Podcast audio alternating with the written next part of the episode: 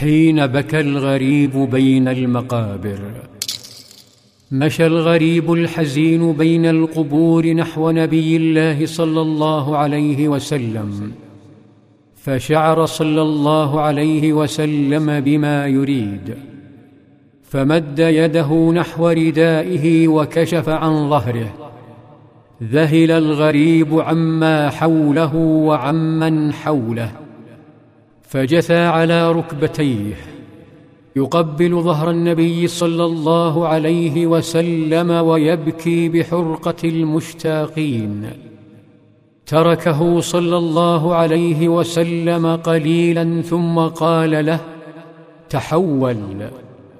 فنهض وتحول وجلس بين يديه صلى الله عليه وسلم والدموع لا تكف ولا تتوقف.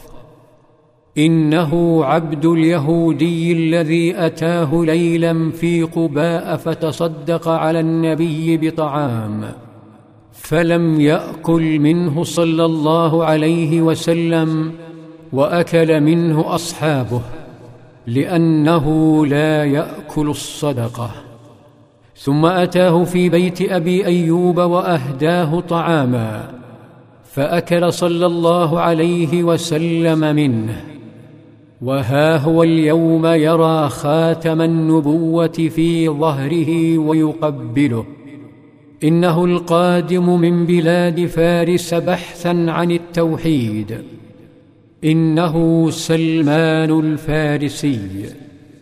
وها هو بعد ان جفت دموعه يقص على النبي قصته المريره. إنها قصة بدأت قبل عشرات الأعوام. عندما كان طفلا مدللا لأبوين غنيين من مجوس فارس كانوا يسكنون أصبهان. وبالتحديد من قرية صغيرة يقال لها جي. كان والده تاجر القرية وزعيمها. يكبر سلمان ويكبر دلاله بين أبوين كادا يفسدانه بالدلال. فأبوه لا يريده أن يعمل في المزارع ولا التجارة. قد شغف حب سلمان قلبه فصار يلبسه أرق الثياب وأفخرها ويخشى عليه حتى من النسيم. لذا أبقاه في معبد النار يتعهدها حتى لا تنطفئ. تعلم سلمان المجوسية وهي عبادة النار وأصبح من خدمها. وذات يوم انشغل والده عن بساتينه ومزارعه. انشغل بمبان يشيدها في القرية. فاضطر لإخراج سلمان من بيت النار ليوم واحد وأوصاه بإنجاز بعض الأمور المتعلقة بالمزرعة.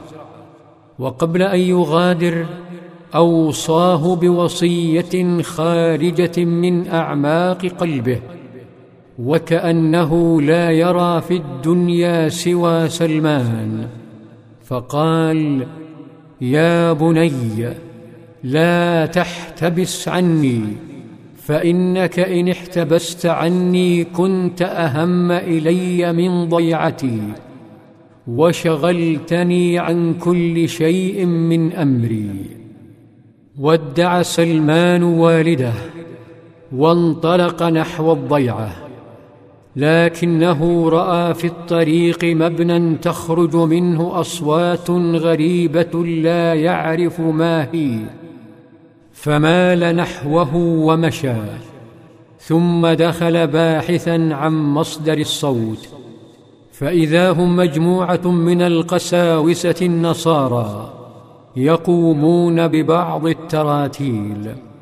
وكان سلمان لا يدري ما النصرانية ولا عن غيرها. جلس معهم فقارن عبادته للنار بها فاستخف بعبادة النار فبقي عندهم. أما والده فعاد إلى قصره فلم يجد سلمان فاسودت الدنيا في وجهه.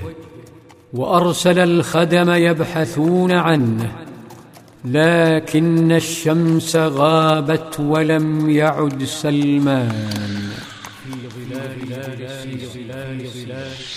في ظلال السيرة.